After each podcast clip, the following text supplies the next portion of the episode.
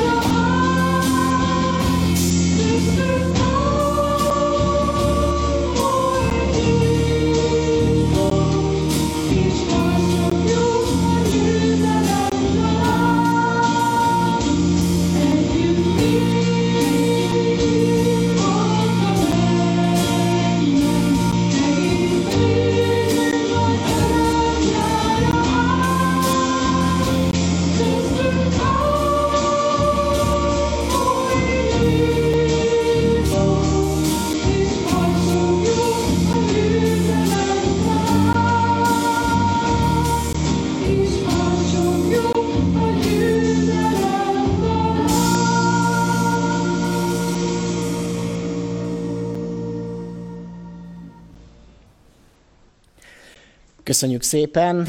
Ez az ének már majdnem, hogy összefoglalta mindazt, amiről ma délelőtt szeretnék szólni, az új jégről és az új földről. Mielőtt felolvastám az igét, néhány dolgot mondanék, amit ugye a héten éltem meg, meg tapasztaltam meg. Nagyon sok testvérről hallottam, hogy beteg lett, és próbáltam hívogatni őket, beszélgetni velük, és bátorítani őket volt, aki otthonában van, és fekszik az ágyban, nagy fájdalmai vannak, fáj a feje, nagyon gyenge. Vannak, akik kórházba kerültek, volt egy ismerősünk, még nem Isten gyermeke, még nem tért meg, de elmondta, hogy élet és halál között volt a héten, mikor bevitték a kórházba, lélegeztetőn is volt, és egyik este nem mert elaludni, mert félt attól, hogy nem fog másnap felébredni, és ott a élet és halál között csak egy valami maradt számára, hogy Istenhez kiáltott és elkezdett imádkozni, és amikor beszéltünk, már kicsit kezdett tisztulni a tüdeje, és már nem is lélegeztették, és reménység van arra, hogy fel fog épülni, de én azt gondolom, hogy Isten őt is megszólította. Aztán egy barátom, aki annak idején néhány évvel ezelőtt én meríthettem be, őrbottyámba, egy kis tóba az úr rétjén, és aztán egyengedhettem egy picit az ő hitéletének az elején, és a felesége szólt nekem, hogy ő is nagyon beteg, kórházban van, lélegeztetőn van. Aztán néhány nappal később hallottam, hogy meghalt, és az úr hazahívta. És ezek a sok-sok minden úgy a lelkemre úgy rárakódott, hogy ennyi sok nyomorúságot látok magam körül, és ennyire tehetetlennek érzem magamat, vagy érezzük magunkat, hogy mit tudunk segíteni a bajba jutott embereknek, és vajon még ki lesz a következő, kiről hallunk majd olyat, hogy kórházba kerül, megbetegedett.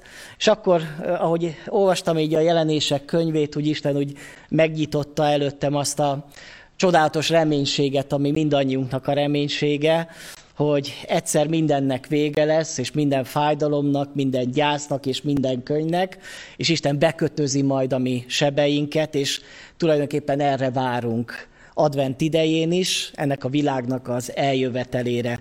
Úgyhogy nyissuk ki a Bibliánkat a jelenések könyve 21. fejezeténél, és az első kilenc verset fogom felolvasni, nyolc verset fogom felolvasni, de majd fogok még beszélni a, ennek a szakasznak a többi részeiről is. Álljunk fel, és így hallgassuk az Isten igét, akár otthonainkban is álljunk fel most a székünkből. És láttam új eget és új földet, mert az első ég és az első föld elmúlt, és a tenger sincs többé. És a szent várost, az új Jeruzsálemet is láttam, amint alászáll a mennyből, az Istentől, felkészítve, mint egy menyasszony, aki a férje számára van felékesítve. Hallottam, hogy egy hatalmas hang szól a trónus felől. Íme az Isten sátora az emberekkel van, és ő velük fog lakni, ők pedig népei lesznek, és maga az Isten lesz velük és letöröl minden könnyet a szemükről, és halál sem lesz többé, sem gyász, sem jajkiáltás, sem fájdalom, nem lesz többé, mert az elsők elmúltak. A trónuson ülő ezt mondta, íme újjáteremtek mindent, és így szólt, írd meg, mert ezek az igék megbízhatók és igazak. És ezt mondta nekem, megtörtént. Én vagyok az alfa és az omega, a kezdet és a vég. Én adok majd a szomjazónak az élet vizének forrásából ingyen. Aki győz, örökölni fogja mindezt, és Istene leszek annak, az pedig fiam lesz. De a gyáváknak és hitetleneknek, az utálatosoknak, a gyilkosoknak és paráznáknak, a varázslóknak és báványimádóknak, és minden hazugnak meg lesz az osztály része a tűzzel és kénnel égő tóban, ez a második halál. Eddig Isten igéje, imádkozzunk. Istenünk, köszönjük neked az, hogy nem csak ez a látható világ létezik, hanem létezik az a valóság, ahol te uralkodsz, és ahová egyszer majd mi is eljutunk. És köszönjük neked, hogy te jót terveztél a mi életünkkel, hanem is pontosan csak ezen a földön, hanem ami eljövend majd, mi várjuk Istenünk ennek az új égnek és az új földnek az eljövetelét, és addig is szeretnénk készülni erre a napra, és szeretnénk megtisztulni, szeretnénk Istenünk, eh, hogyha átjárnád a mi gondolatainkat, a mi érzelmeinket, a mi szíveinket. És hogyha van valaki, aki még nem a győztesek közé tartozik, és aki majd nem a győztesek dalát fogja énekelni azon a napon, hanem akikre a második halál vár még most ebben az állapotában. Kérlek a te kegyelmedből, szólíts meg őt, vonz magadhoz. Add, Uram, hogy a mai napon is legyen valaki, aki megtér hozzád, és akik pedig már a tieidek vagyunk, mi pedig hadd kerüljünk még közelebb te hozzád. Szeretnénk téged dicsőíteni, ezért a csodálatos reménységért. Amen. Foglaljon helyet a gyülekezet. Igen, tehát lesz prezentáció is, tehát advent a várakozásnak az ideje, és ilyenkor felvetődik minden évben az a kérdés, hogy mire is várunk, vagy miről is szól az advent, hogy amikor minden héten meggyújtunk egy újabb gyertyát, nagyon sokan talán azt a választ adnák, hogy a karácsonyra várunk, főleg a gyermekek, bizonyára is, akik most éppen otthon vagytok, várjátok a karácsonyt, várjátok az ajándékokat, még akkor is, hogyha nem teljesen ugyanolyan karácsony lesz, de hiszem, hogy a családokban lesz karácsony, főleg a gyermekeknek, és lesznek ajándékok. De akik már hívő emberek vagyunk, remélem, hogy nem csak az ünnepet várjuk, és nem csak azt várjuk, hogy majd szenteste, majd így meghitten együtt lehetünk, és finom falatokat tehetünk, és aztán megajándékozzuk egymást, hanem ami váradalmunk, ami reménységünk, az túlmutat ezen az ünnepen, mert mi az Úr Jézus Krisztusnak az eljövetelét, visszajövetelét várjuk. És arra várunk, hogy ennek a történelmi időszaknak, amiben most élünk, ennek az üdvtörténeti időszaknak egyszer vége legyen. Mert hát miért is várjuk ennek a üdvtörténeti korszaknak a végét? Mert bár most is sokunkban az a reménység van, hogy majd vége lesz ennek a járványhelyzetnek, hogy újból majd normális életet élhetünk, hogy újból összejárhatunk, újból gyülekezetbe járhatunk, végre újból megint örülhetünk, de be kell látnunk, hogy itt a földi életben, ami örömünket, ami boldogságunkat mindig beárnyékolja valami, valami szenvedés annak a szenvedése, hogy az élet mulandó, hogy meghalunk, aztán sok-sok nyomorúság, ami körülvesz, a sok-sok bűn, ami körülvesz bennünket ebben a világban, bármennyire is igyekszünk arra, hogy itt a földi életben örüljünk, hogy boldogok legyünk, hogy békességet leljünk, igazi békességünk itt a földön nincsen. Ezért mi azt a világot várjuk, annak az eljövetelét, ami majd ezután jön hogy vége legyen ennek az üttörténeti időszaknak. Van egy nagyon jó bejelentés ebben a, az ige szakaszban, ami úgy hangzik, hogy megtörtént. Ez egy ilyen győztes kiáltás tulajdonképpen a mennyben, olyan kiáltás, mint amit Jézus Krisztus mondott ott a kereszten, amikor azt mondta, hogy elvégeztetett. Beteljesült, vége lett valaminek, és valami új kezdődik, valami teljesen megtörtént, vége van már valaminek. És milyen jó az, hogy most még erre várunk, hogy megtörténjen, ugyanakkor tudhatjuk, és az a mi reménységünk, hogy megtörténik. Ugyanakkor nagyon fontosnak tartja uh, Isten is, uh, az az angyal, aki a jelenések könyvében a kijelentést adja Jánosnak, hogy írd le, mert ezek az igék megbízhatóak és igazak.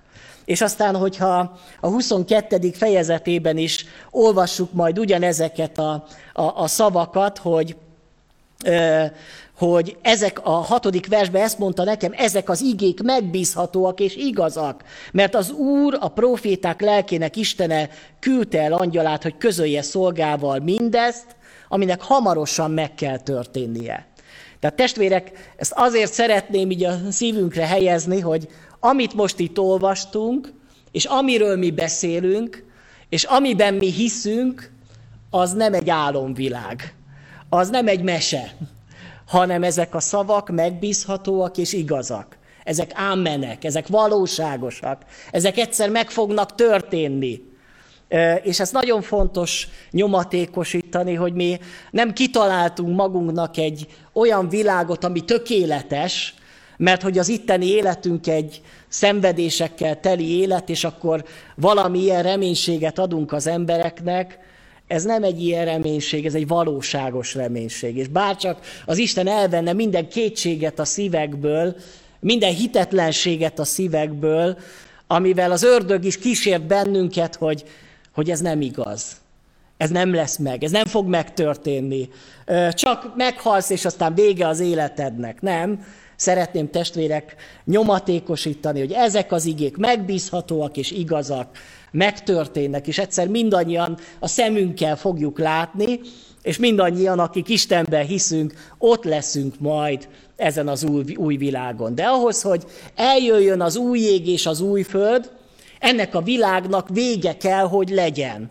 És tulajdonképpen a világ végéről elég sokat szoktak beszélni, még nem hívő emberek is szoktak arról beszélni, hogy vége lesz ennek a világnak, és még a tudósok is mondják, hogy egyszer vége lesz majd az egész univerzumunknak, egyszer szétesik az univerzum, egyszer kihűl a napunk, és akkor megszűnik az élet, biztos, hogy itt a Földön. De a tudósok azt mondják, hogy hát ez nem tudom hány millió vagy milliárd év múlva lesz majd, és akkor lehet, hogy megnyugszunk az, hogy azt már úgyse fogjuk megélni, hát még az unokáig se fogják megélni. Tehát az még nagyon messze van, nem kell ezzel törődni. De az Isten igéje nem azt mondja, hogy majd millió, meg milliárd év múlva lesz vége ennek a világnak, hanem azt mondja, hogy hamar, hogy hamarosan. Azt mondja, itt ugye, tehát azt olvastam a jelenések 22-ben, hogy aminek hamarosan meg kell történnie.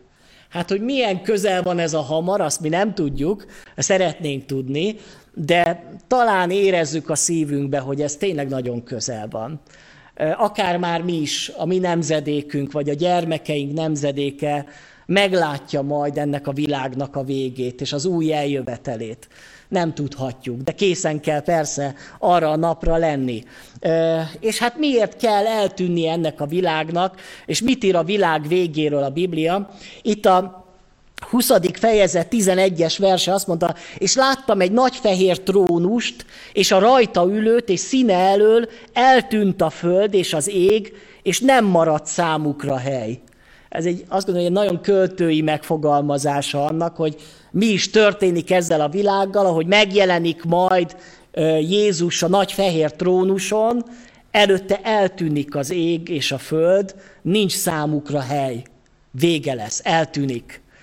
És itt is ebben a szakaszban úgy olvassuk itt az első versben, hogy az első ég és az első föld elmúlt, és a tenger sincs többé. Nincsen.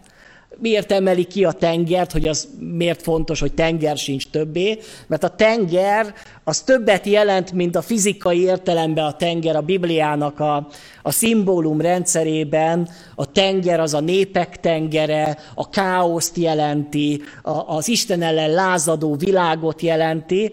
Megszűnik, nincsen, nem lesz többé hogy víz lesz az új világon, azt láthatjuk, hiszen az élet vizének a folyója lesz majd, ömlik majd abban a városba, de az a tenger nem lesz többé, ez a világ eltűnik.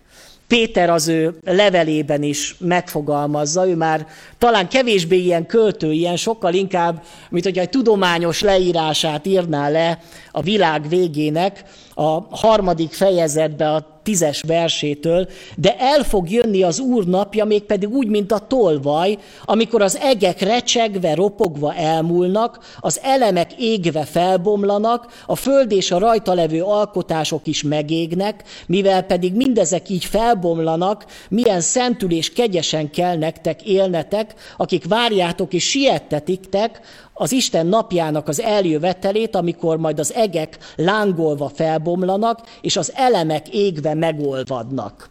Tehát olyan döbbenetes, ugye nem víz által pusztul el a világ, hiszen nem özönvíz által pusztul el, ez a jelen való világ, hanem tűz által, minden felbomlik, az egek, egek recsegve, ropogva szétesnek, összeomlanak, és itt amikor azról beszél, hogy az elemek megolvadnak, akkor ott azt a kifejezést használja Péter, ugye a halász, egy egyszerű halász ember, hogy az atomok szétesnek. Ugye milyen tudományos leírása ez a világnak a végének, hogy, a, hogy szétesik a, az atom, szétesik az anyag, nincs többé egy ilyen képet használ a Biblia. Tehát ezt azért fontos tudni, mert nem, Isten nem ezt a világot fogja megújítani, vagy megjavítani. Ez a világ úgy, ahogy van, javíthatatlan, ennek el kell tűnnie ahhoz, hogy valami teljesen új kezdődjön. De hogy ennek a ígérete már az Ószövetségben megvolt, Ézsajás próféta a 65. fejezetében így ír, mert én új jeget és új földet teremtek, a régire nem is, régire nem is emlékeznek, senkinek nem jut eszébe, ezért örvendjetek és vígadjatok mindörökké annak, amit teremtek, mert Jeruzsálemet vígassága teremtem, népemet, népét pedig örömre. Érdemes egyébként a további igéket is elolvasni, hogy már az Ószövetségben is benne volt ez az ígéret, és ez a reménység, hogy Isten véget vet ennek a világnak, és egy teljesen újat fog teremteni, és még azt is elmondja a Biblia, hogy erre a világra, ami most körülvesz bennünket, ez a régi, erre nem is fogunk emlékezni. Tehát nehogy azt gondoljuk, hogy majd az új, új világon majd nosztalgiázni fogunk azon, hogy milyen jó is volt nekünk itt a Földön, az első világban, mert azt mondja, hogy ezekre még nem is fogunk emlékezni, nem is fogjuk emlegetni. Miért nem fogjuk emlegetni? Mert ahhoz képest, ami ott van, mindez nagyon nyomorúságosnak fog tűnni. Nem akarunk emlékezni erre. Mint amikor valami nagyon rossz dolgon mentünk keresztül az életbe, igyekszünk elfelejteni. Túl vagyunk rajta. Felejtsük el. És valami ilyesmit mond a Biblia, hogy felejtsük el, ami itt volt ebben az időszakban, mert az Isten újjáteremt mindent. És közben vele gondolunk abba, hogy mégis milyen sok örömöt találunk a földi életbe, és ez jó is hogy akár a természetben, amikor nézzük a, a hegyeket, vagy a tengert, vagy nézzük az eget, gyönyörködünk benne, vagy az emberi kapcsolatainkban, hát olyan gyönyörűségeket találunk gyermekekkel, szülőkkel, családi kapcsolatban, testvéri kapcsolat, ezek gyönyörűséges dolgok, és mégis azt mondja a Biblia, hogy ezeket nem fogjuk emlegetni, mert ehhez képest valami sokkal, de sokkal jobb vár ránk. Értik a testvérek, hogy mit készített az Isten? Hát nem értjük, felfoghatatlan, de hogy egy ilyet készít az Isten számunkra. Miért kell tehát elpusztulnia ennek a világnak? Úgy fogalmaz János az első levelében, hogy az egész világ gonoszságban vesztegel. Benne van, beleragadta a nyomorúságba, a gonoszságba. És persze az Isten menti a menthetőt, menti azokat, akik még megmenthetők ebből a pusztulásra ítélt világból, és ezért szól az evangélium folyamatosan, hogy térjetek meg, mert ez a világ el fog tűnni, de az Isten még kimenti belőle mindazokat, akik, akik hajlandóak arra, hogy kimeneküljenek ebből a világból, és nem ragaszkodnak ehhez a bűnös világhoz. Ezért azt mondja az Isten itt abban az ige szakaszban, hogy íme újjáteremtek mindent, mindent. Valami teljesen új fog jönni, nem megjavítani fogni, fogja ezt a világot. Ugye, hogy miért is kell elpusztulni ennek a világnak? Mert az Isten eredeti tervében az volt, hogy a, amikor teremtette Isten az eget és a földet, a mennyet, a szellemi világot és a fizikai valóságot, akkor ez a két valóság nem különült el egymástól, hanem az eredeti tervében az volt, hogy a szellemi valóság és a fizikai valóság összetartozik.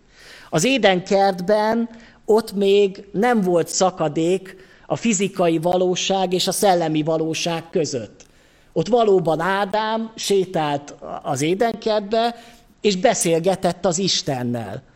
Hát milyen csodálatos lehetett. Az Isten ott volt, az Isten sátora ott volt. Ott lakozott az Isten, és beszélgethetett Ádám vele. Milyen csodálatos lehetett még az a világ, amikor nem volt szakadék a, a fizikai valóság és a, a szellemi valóság között. És aztán a bűneset közé, következtében a fizikai valóság egyre jobban eltávolodott a szellemi valóságtól. És mai napig is, bár az Isten országa eljött erre a földre, a szellemi valóság leköltözött ide a földre, de ez igazából nem az egész világot jelenti, csupán az egyházat és a hívő embernek a szívét. Vannak szent helyek ezen a földön. Elsősorban nem fizikai helyek, hanem emberek, akikben a szent megjelenik. De maga a világ az nem szentelődött meg az ma is a gonoszságban vesztegel. Vagyis el kell jönni annak a világnak, amikor az egész világ újra szent lesz. Abban az értelemben, hogy összekapcsolódik a mennyei, a szellemi valóság a fizikai valósággal. Hát ez egy picit bonyolult, de remélem, hogy valamennyit azért ért, lehet ebben, ebből megérteni hogy teljesen új, ez egy nagyon fontos kifejezés, mert a Bibliában, a görögben az újra van két kifejezés, az egyik az a neos, a másik a kainos. A neosz valami olyasmi, amikor valami újat csinálok, de abból már volt régen, vagy a régit felhasználva csinálok valami újat. Ez a, ez a, ez a neosz. A kainos pedig azt jelenti, hogy valami teljesen újat találok ki, olyat, ami eddig nem volt. Ugye amikor az Isten megteremtette a világot, akkor olyat hozott létre, ami addig soha nem volt. De amikor mi például házat építünk, akkor azt mondjuk, hogy új házat építettünk, de annak az anyaga nem új, tehát azt valahonnan meggyártották, vagy hozott anyagból is dolgozhatunk. Tehát új az a ház, de mégse új. Értik a testvérek a különbséget? És itt az a kifejezés van, hogy Isten egy teljesen újat fog létrehozni. Ezért aztán János nagy bajba is van, amikor próbálja leírni az újat. Mert hogy mi csak a régit ismerjük, mi csak azt ismerjük, amit látunk, ami körülvesz bennünket. Hát hogyan lehet leírni azt, ami eddig még soha nem létezett, még soha nem volt. Ezért aztán itt olyan dolgokat olvasunk, amit nagyon nehezen értünk talán, de talán mégis egy picit Isten megnyitja előttünk ezt a teljesen új világot. De hogy mennyire fontos ez a teljesen új kifejezés, jelzi azt, hogy az Isten az embert is, aki bűnös ember, nem akarja soha megjobbítani. Nem arra hív bennünket az Isten, hogy bűnös emberként határozzuk el, hogy mostantól jó emberek leszünk. Kicsit javítgassunk magunkon, ugye? Hagyjunk el néhány bűnt az életünkből, és akkor majd, akkor kedvesek leszünk Istennek. Ez nem létezik. Sokan vannak, és a vallásos ember próbálja megjavítani az életét. Mindig, mindig hallok ilyen emberekről, hogy, hogy próbálom a, a parancsolatokat megtartani, próbálok megfelelni a Bibliára, próbálok, majd gyülekezetbe járok, majd imádkozok, majd Bibliát olvasok, javítgatom a régit. Próbálom felújítani a régit. De az Isten mit mond? Újjá kell születni. Ami azt jelenti, hogy a réginek meg kell halnia, radikális, gyökeres változás, hogy az új létrejöjjön. Hogy az Isten a régi szívedet azt elveszi, és helyett egy új szívet ad neked. Hogy új szövetséget köt az Isten a régi helyett. Hogy az Isten újjá teremt, mert azt mondja, aki Krisztusban van az új teremtés, a régi elmúlt, és újjá lett minden. Értik a testvérek, hogy ugyanaz a kifejezés, vagy ugyanúgy az új teremtésről beszél, mint itt a világ újjáteremtésénél, hogy a régi elmúlt, az már nincs többé, persze ugyanúgy nézek ki, mint megtérésem előtt, nem így fizikailag változtam meg, de belül, a szellememben egészen megváltoztam. Ez jelenti a megtérés, az újjászületés, és ennek a, a szimbóluma a bemerítés, ami kiábrázolja azt, hogy a régi elmúlt, eltemettük, és újjá lett minden. És ezért a nagy kérdés ma is, kedves nézők, hallgatók, vagy akik otthon a internet előtt ültök, vagy itt vagyunk jelen, hogy te már új természet vagy-e? Új természetnek a részese vagy-e? Újjá születtél-e? Mert a régi nem örökölheti az újat. A régi nem mehet be az újba. Csak az új. Csak az új teremtés. Csak akik megtértek és újjá születtek, és Jézus Krisztus által új természetnek a részeseivé lettek. Ez is fontos ebben, a, ebben az ige szakaszban. A hívő ember már itt a földi életben is fontos, hogy nem a földi dolgokra tekint. Mert miközben körülvesz bennünket ez a fizikai világ és ennek a valósága, minden kihívása, hogy szeretnénk a családunkról gondoskodni, szeretnénk valamit elérni az életbe, karriert befutni, gyerekeket arra bátorítjuk, hogy tanuljanak, hogy vigyék valamire, és ezek jó célok az emberi életbe, de a hívő ember ezeken a célokon túl egy sokkal fontosabb célt látnak maguk előtt, és ez a fontosabb cél az a mennyei haza. És kedves testvérek, minket mindig az kísért meg a földi életbe, hogy túl sokat foglalkozunk ezzel a valósággal, ezzel a világgal, ezzel az élettel, és megfeledkezünk arról, hogy, hogy van egy sokkal csodálatosabb otthonunk. És a hívő ember valahol önmagába valahol megtalálja azt a harmóniát, hogy miközben itt a földi életét éli, de közben már a mennyei állampolgárságát is éli. Hogy itt vagyok a földön, de közben már az, a szívem már valahol mégiscsak ott van. Már mégiscsak oda vágyik az én szívem. És kedves testvérem, barátom, aki most adventi időszakban vagyunk, hogy ez a vágy, ez a reménység, ez, a, ez, a, ez az elköltözés, vagy a hazaköltözésnek a vágya, ez ott éle a szívedbe. Most is. Ugye a hitnek a hőseiről beszél a zsidókhoz itt levél 11. fejezet, és itt ószövetségi emberekről szól. Azt mondja itt Ábrahámról, Izsákról, Jákobról, hogy hitben haltak meg ezek mind anélkül, hogy beteljesültek volna rajtuk az ígéretek. Csak távolról látták és üdvözülték azokat, és vallást tettek arról, hogy idegenek és jövevények a földön. Mert akik így beszélnek, jelét adják annak, hogy hazát keresnek. És ha arra a hazára gondoltak volna, amelyből kijöttek, lett volna alkalmuk visszatérni. Így azonban jobb után vágyakoztak, mégpedig a mennyei után. Ezért nem szégyeli az Isten, hogy őt Istenüknek nevezzék, mert számukra várost készített, ugye ez a város majd a új Jeruzsálem, ugye, amit készített nekik az Isten. De kikről beszél, akik távolról látták még, hogy tudták azt, hogy idegenek, jövevények vagyunk, átmeneti ez a földi életünk, és a hazára gondoltak, a mennyei, a jobb után vágyakoztak. Ugye Ábra, ezért mondja a Biblia, hogy Isten az Ábrahámnak, Izsáknak és Jákobnak az Istene. És nem azért volt Ábrahámnak, Izsáknak és Jákobnak az Istene, mert Ábrahám, Izsák és Jákob olyan nagyon fedhetetlen életet éltek volna. Hát ismerjük a történeteiket. Tudjátok, miért nem szégyelte az Isten, hogy őt Istenüknek nevezzék, és miért nevez így a Biblia Ábrahám, Izsák és Jákob Istenének? Azért, mert ezek az emberek a mennyei után vágyakoztak. Ez egy csodálatos kép. És testvérek, lehet, hogy itt a földi életben mi sem vagyunk mindenben tökéletesek. Törekedni kell rá. Lehet, hogy elbukunk. De a kérdés az, hogy ott van-e benned az, hogy, hogy ezután a, a mennyei Jeruzsálem után, a menny után vágyakozom hogy a megjutalmazásra tekintek. Ugye ezt Mózesről mondja a Biblia, úgy a 11. fejezetben, mert inkább választotta az Isten népével együtt a sanyargatást, mint a bűn ideig óráig tartó gyönyörűségét, mivel nagyobb gazdagságnak tartotta Egyiptom kincseinél a Krisztusért való gyalázatot, mert a megjutalmazásra tekintett. Hát Mózes milyen megjutalmazásra tekintett? Hát a földi életbe őt megjutalmazták. Olvasunk valaholyat a Bibliából, hogy kivonultak Egyiptomból Mózesék, és a pusztába ott megjutalmazták Mózest.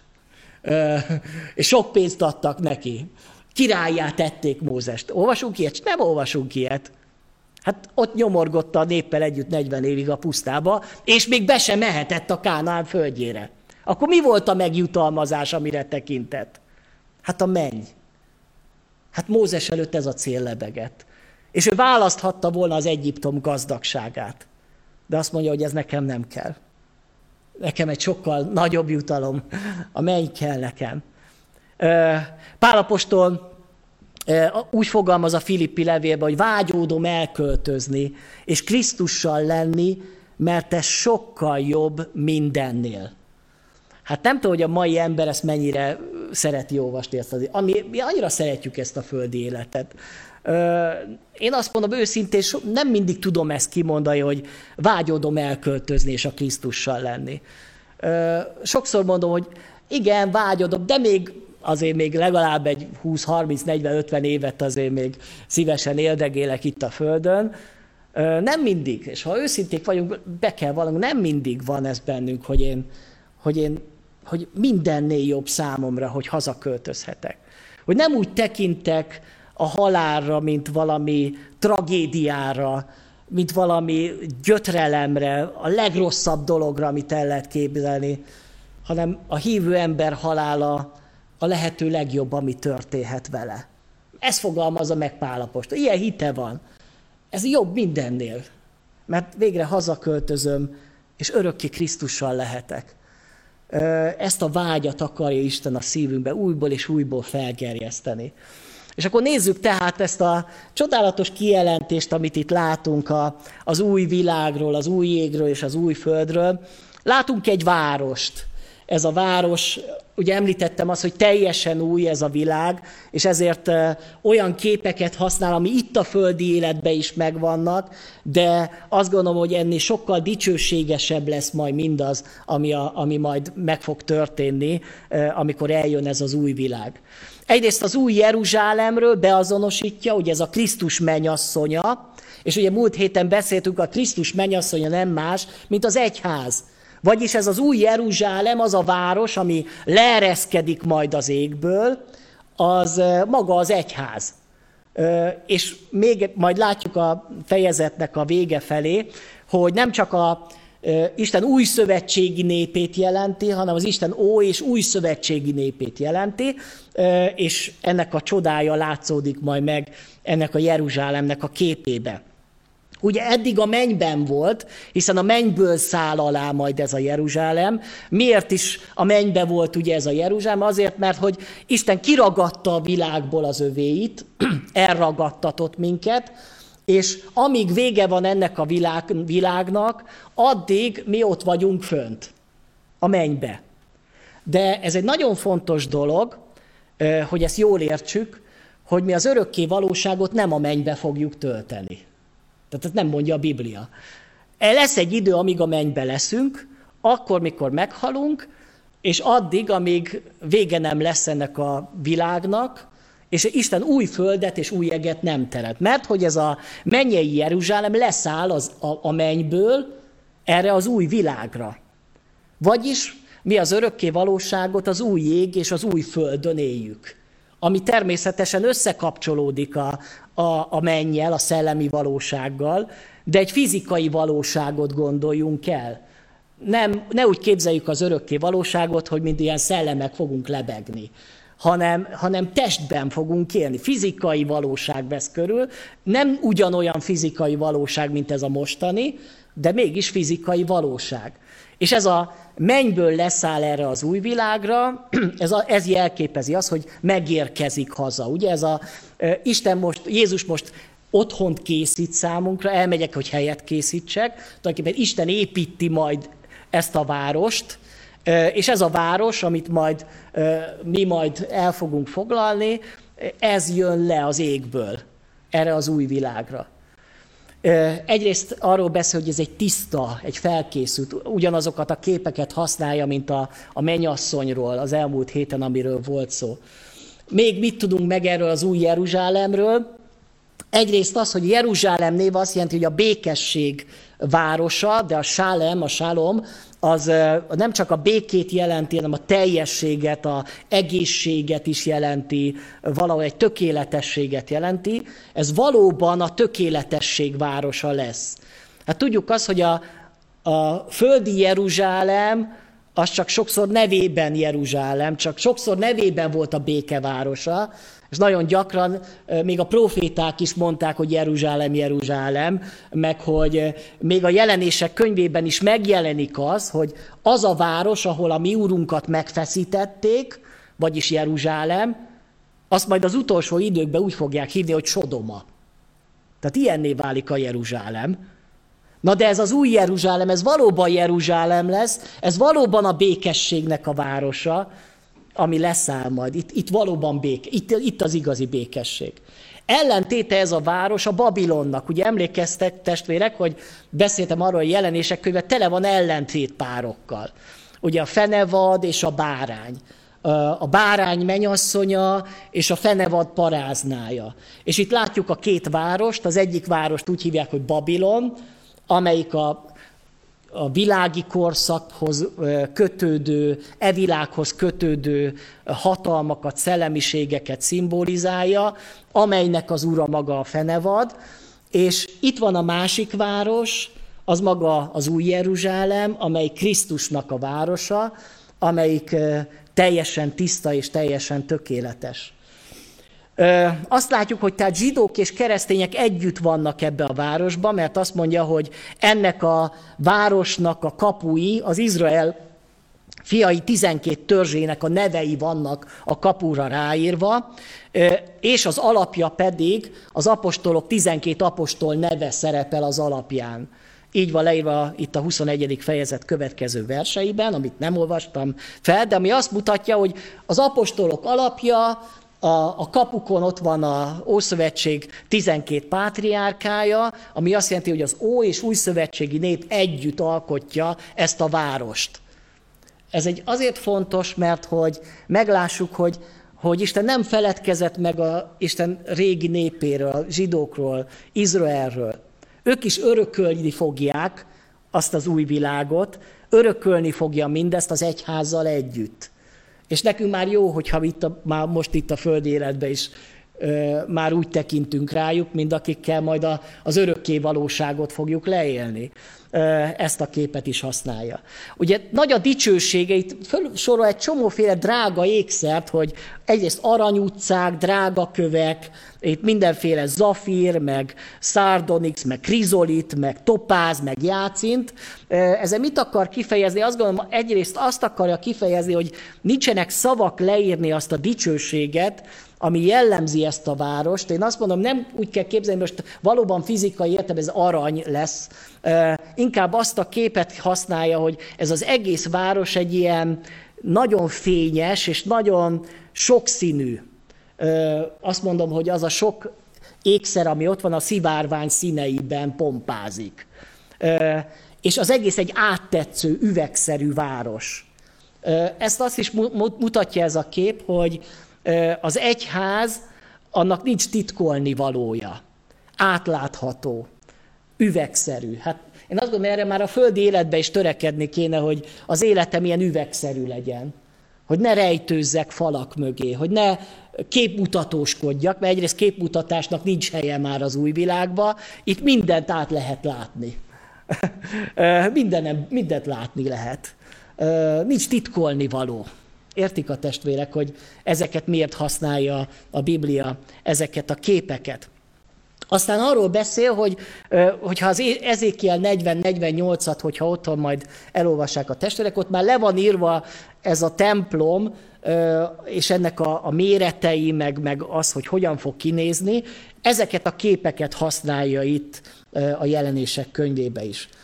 Néhány szó a méreteiről, mert azokat pontosan megmondja a Biblia, hogy mekkora lesz ez az új város.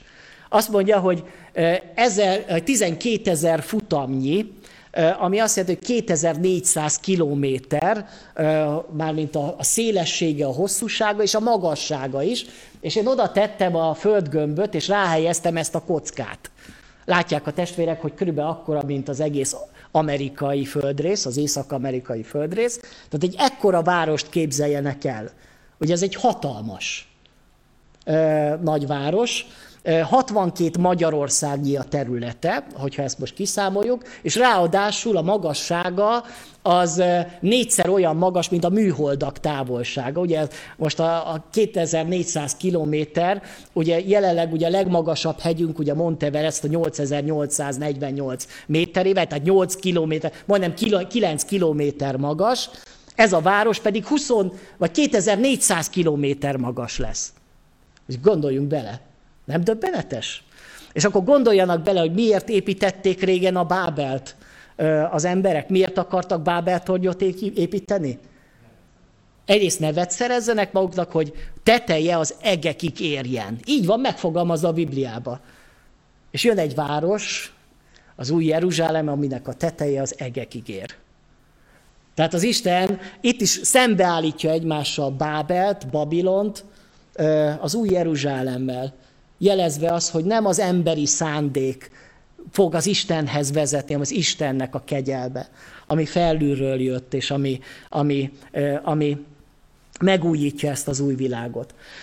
A Babilon is egyébként, az ókori Babilon is négyszög alakú volt, és 24 kilométer volt a szélessége és a hosszúsága, ezt történészek írják le. Tehát az azt jelenti, hogy százszor olyan nagy lesz majd az új Jeruzsálem, mint az ókori Babilon volt. Egyébként érdekes, hogy a, a Babilonnak a közepét is átszelte egy folyó, ugye az Eufrátesz folyó, ugyanúgy majd ezt az új világot is, ami szinte Babilonnak a mintájára, de ellentéteként a Babilonnak a mintájára épül. És még egy nagyon érdekes, hogy miért kocka alakú ez a Jeruzsálem, egyáltalán, hogy mondjuk 10, ezer, 10 kilométer magasságban majd kik fognak lakni, vagy hogyan fognak ott mozogni ott az új, új, újjáteremtett világban az emberek. Ez nehéz dolog, de előttünk legyen az a kép, hogy a szentek szentje, képzeljük magunk elé a, okori templomot, illetve a Szent Sátort, ahol le van írva, hogy a Szent Sátor az 20 könyök hosszúságú, szélességű és magasságú volt. Ez körülbelül egy 9x9x9 méteres kocka. Vagyis a Szentek Szentje egy kocka volt a templomba. És ezen a kockán belül, ugye kiléphetett be? Hát csak a főpap léphetett be évente egyszer, ha megtisztította magát, és ott bent ott volt a szövetség ládája, a frigyláda, ami az Istennek a legszentebb jelenlétét jelképezte, és oda nem mehetett be bárki. Itt mit látunk? Itt egy óriási szentek szentjét látjuk. Vagyis az új Jeruzsálem, az új világ, az maga a szentek szentje lesz fölnagyítva. És ide már nem csak egy ember léphet be a főpap, hanem bemegyünk. És nem a frigyládát fogjuk látni, hanem magát a trónust fogjuk látni. Magát az Istent. Magát Jézust, az Atyát, Szentlélek, Szent Háromság Isten jelen van, mert az Isten sátora az emberekkel van. És mi pedig szemléljük őt. Hát nem csoda ez, ez a kép, amit használ itt a Biblia? Hogy mi tulajdonképpen az örökké valóságot a szentek szentjébe töltjük ezeket a szimbólumokat, hogy már az Ószövetségben hogyan vezeti rá az Isten ezekre az igazságokra az embert, és a Biblia végén pedig kijelenti az ő végső akaratát. Hú, még bírjátok? Szerintem ezek na, szenzációs dolgok. Legalábbis nekem, remélem, hogy ti is gyönyörködtök ezekbe. Azt mondja, hogy az Isten sátora az emberekkel van. Egyrészt jelzi azt, hogy a, az Isten jelenléte ugyanúgy mint ahogyan az édenkertbe is megvolt, ott van jelen az Isten, a 22.4-be, és látni fogják az ő arcát, és az ő neve lesz a homlokukon. Látjuk az ő arcát, ugye? Tehát itt a földi életben mit olvasunk, hogy Istent szemtől szembe senki nem látta. Még Mózes se láthatta az ő arcát. Hátulról egy picit láthatta, ahogy elvonult előtte. És mi pedig az a reménységünk, hogy egyszer majd meg fogjuk látni őt, amilyen, az arcát fogjuk látni, vagyis teljes mértékben az Isten fogjuk meglátni. Ez egy fantasztikus dolog. Azt mondja János az ő levelébe, amikor erre a napra tekint előre, hogy Isten gyermekeinek neveznek, és azok is vagyunk, ez, és aztán azt mondja tudjuk, hogy amik, szereteim, most Isten gyermekei vagyunk, de még nem lett nyilvánvalóvá, hogy mivé leszünk. Tudjuk, hogy amikor ez nyilvánvalóvá lesz, hasonlóvá leszünk hozzá, és olyannak fogjuk őt látni, amilyen valójában. Ezért akiben megvan ez a reménység, megtisztítja magát, mint ahogyan ő is tiszta.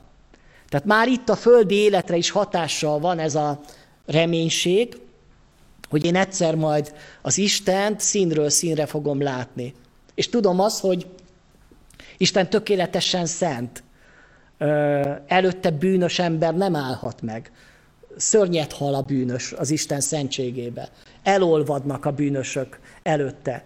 Ezért már itt a földi életben is törekszem arra, hogy megtisztítom magamat, hogy készülök, mert a menyasszony felkészül a találkozásra, megtisztítja magát, amikor majd elé áll az ő urának és vőlegény elő.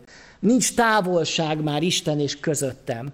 Nincsenek elválasztó falak, mint a templomba. Nincsen kárpit. Ugye ez már Jézusnál is, mikor meghalt a kereszten, akkor ketté szakadt a kárpit. Már egy lépéssel meg közelebb vagyunk, de az igazi szentek szentjébe még nem mentünk be. Még nincs jelen fizikai értelemben az Isten. Még azt mondja Pálapostól, hogy amíg a testben élünk, távol vagyunk az Istentől. Még érezzük ezt a távolságot, és gyakran nagyon-nagyon távolinak érezzük még az Istent magunktól. De ott a mennyben nincs távolság. Ott majd ott vagyok az Isten jelenlétébe. Örökkön örökké. És hát vége a szenvedésnek. Ez egy nagyon fontos kijelentés. Azt mondja, hogy letöröl könnyet a szemükről, minden könnyet a szemükről, halál sem lesz többé, sem gyász, sem jajkiáltás, sem fájdalom nem lesz többé, mert az elsők elmúltak. Ugye maga az Isten törli le a könnyet az emberekről, tehát ő, ő fogja megvigasztalni az embereket, nem egymást fogjuk vigasztalni. Most itt a földi életben még egymást vigasztalgatjuk, de, és ez egy fontos dolog is. De mi nem tudjuk úgy megvigasztalni a másikat, mint ahogyan az Isten tud majd megvigasztalni. Ő majd olyan tökéletesen megvigasztalja az övükét, hogy, hogy minden könyv felszárad, hogy minden seb, amit, amit a földi életben szereztünk, az be fog forni amit ellenünk tettek mások, amik, amik értek bennünket, az a sok csalódás, az a sok ö, megbotránkozás, bántalmazás, ezek a sebek mind eltűnnek. Mert az Isten bekötözi a sebeket. Már itt a föld életben is gyógyít az Isten, már itt is elindul valami, de ott lesz a legtökéletesebb. Ott már nem emlékszünk már többé azokra a fájdalmakra, amik, amik itt a földön értek bennünket amiket próbáltunk kikerülni, de mégse tudtuk teljesen kikerülni azt. És nem csak, hogy a, a régi dolgokat elfeledteti velünk az Isten, hanem hogy betölti minden szükségünket. Azt jelenti, hogy majd ő ad a szomjazónak az élet vizének forrásából ingyen. Ugye már itt is a föld életben, aki szomjazik, jöjjön hozzám, és ígyék, hív magához Jézus. De ott a, a mennyben, ott még tökéletesebb módon minden elképzelhető szükségemet betölti ő. És ezt személyesen ő garantálja, mert azt mondja, én adok majd a szomjazónak az életvizének a, a forrásából ingyen.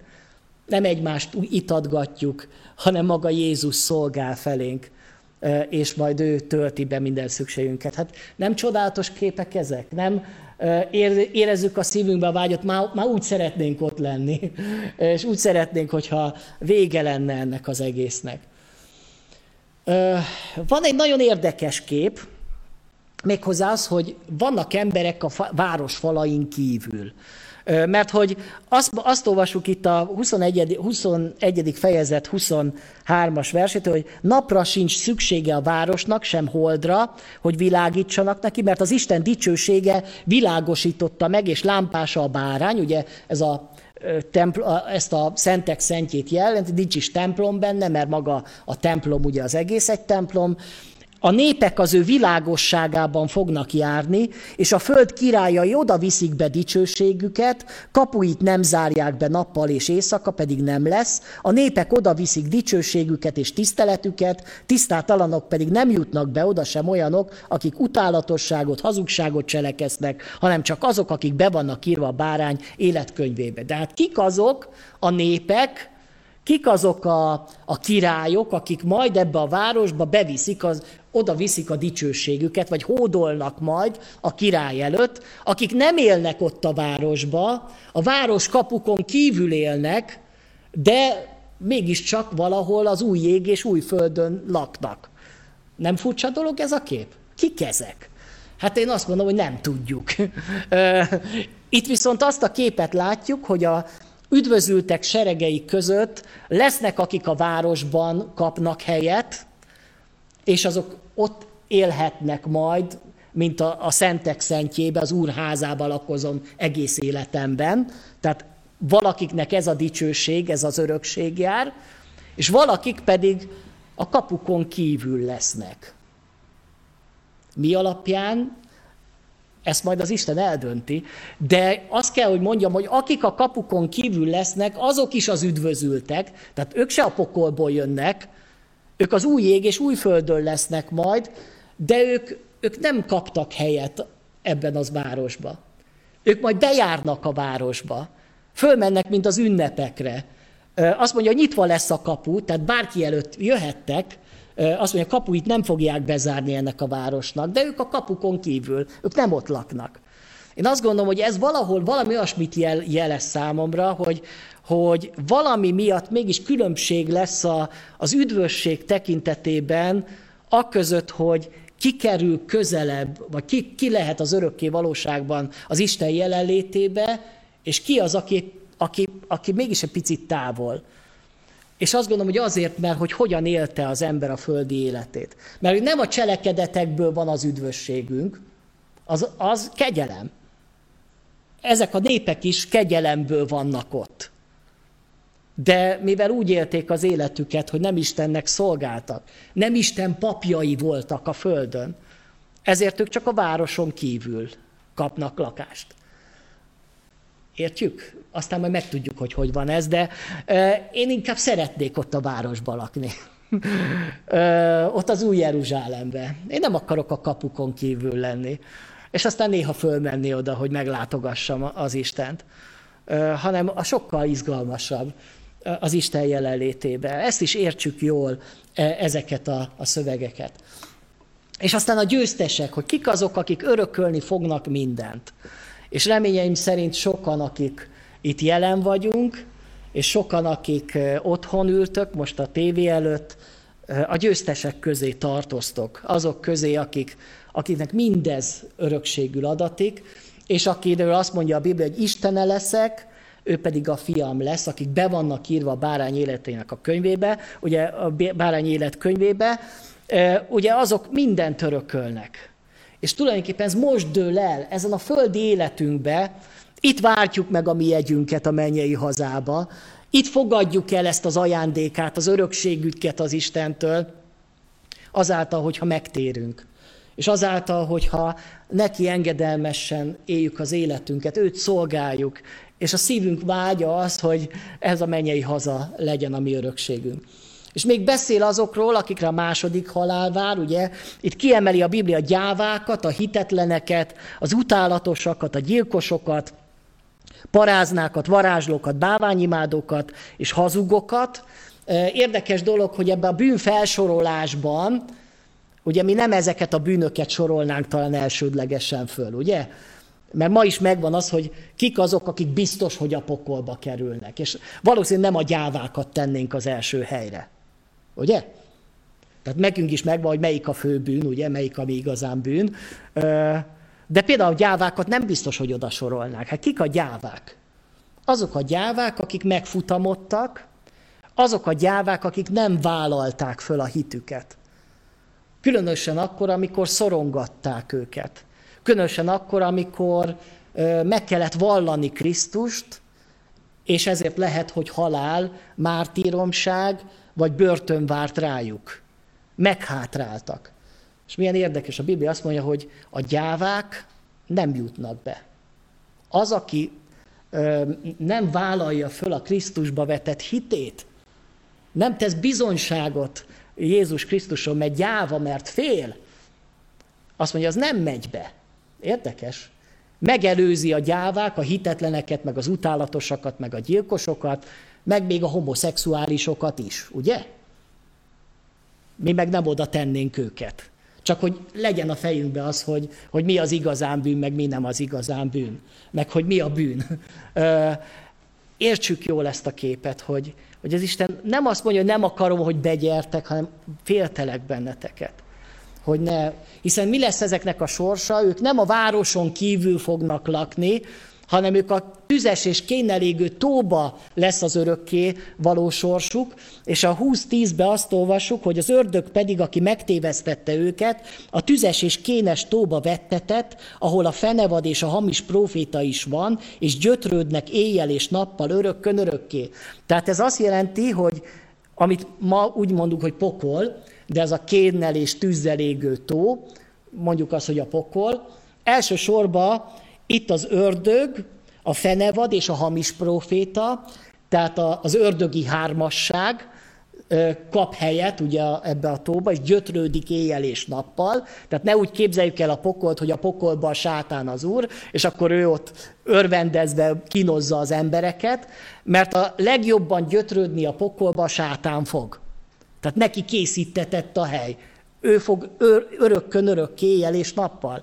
És a pokol sem egy átmeneti hely, a pokol sem egy, egy, egy megsemmisülésnek a helye, Egy valóságos fizikai szenvedésekkel teli hely, ami örökkön tart, és ahogy gyötrődik a fenevad, és mindazok, akik pedig kívül rekednek a, a Szentvárosodon és az új teremtésen, itt kapnak majd helyet. És testvérek, most már tényleg a végére érek, remélem, hogy nem ez az utolsó kép marad meg bennünk, jó, ezt felejtsük el, hanem sokkal inkább az a dicsőség, ami az új Jeruzsálem és az új teremtésnek a dicsősége. És a kérdés az, hogy neked, nekem már ez a reménységem megvan-e?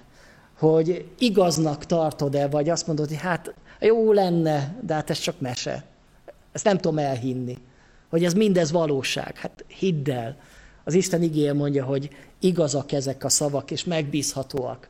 És ma most dől el az, hogy hol töltöd az örökké valóságot. A mostani életed, amit most élsz, a mostani döntéseid, a mostani cselekedeteid határozzák meg azt, hogy az örökké valóságban mit fogsz tenni, vagy hogyan fogsz élni.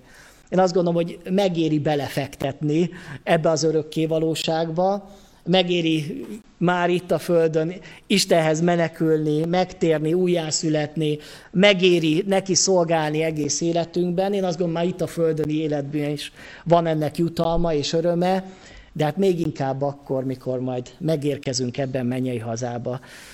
Hát én azt gondolom, hogy ez még csak nagyon ízelítő. Tehát nem látok mindent ebből az igéből, lehet, hogy ti jobban értitek, majd elmondjátok, ha jó, többet is értetek ebből a, az ige szakaszból, de legyen előttünk az, hogy Isten valami csodálatos világot készített számunkra, és ez hamarosan eljön, és hogy már most ö, oda akarok tekinteni, föl akarok tekinteni ezen a mai vasárnapon is. Csendesedjünk most el, és imádkozzunk. Isten menje édesatyánk, csodálunk téged azért, a csodálatos tervér, amit erre a világra gondoltál, és arra, hogy hogyan mented meg a bűnös embert. A kárhozatból, a pokoltól, a bűnből, a halálból. És köszönjük neked, hogy a te terved az már itt van előttünk, hogy te majd egy új eget, új földet teremtesz, és ahol mi majd lakozni fogunk örökkön örökké, és ahol majd nem lesz semmi, ami elválasztana tőled minket, és úgy vágyunk Istenünk arra, hogy ez, a, ez az ország ez eljöjjön. És imádkozunk, ahogyan Te tanítottál bennünket imádkozni, hogy jöjjön el a Te országod, legyen meg a Te akaratod, amint a mennyben, úgy a földön is. És kérlek Istenem arra, hogy addig is, amíg a e földi életünkben élünk, addig is tisztítsd meg a mi szívünket. Törzs meg Istenünk azzal a hittel, vágyjal, lelkesedéssel, hogy neked szolgáljunk, hogy rólad bizonyságot tegyünk, és egyikünk se akar gyáva lenni és megfutamodni, egyikünk sem akar hátat fordítani neked, vagy, vagy letagadni a te nevedet, hanem akarjuk mi felvállalni. Arra kérlek Isten, hogy így vonj magadhoz még közelebb. És imádkozom azokért, akik most hallották ezt az ige hirdetést, de még nem tértek meg, még nem születtek újjá, még nem új teremtések, hogy kérlek, hogy tedd személyessé számukra ezt az üzenetet. Köszönöm neked, Jézus, hogy vezeted az életünket. Kérlek, hogy készíts elő bennünket a veled való találkozásra, és szeretnénk majd méltóképpen ünnepelni téged ezen az ünnepen is. Amen.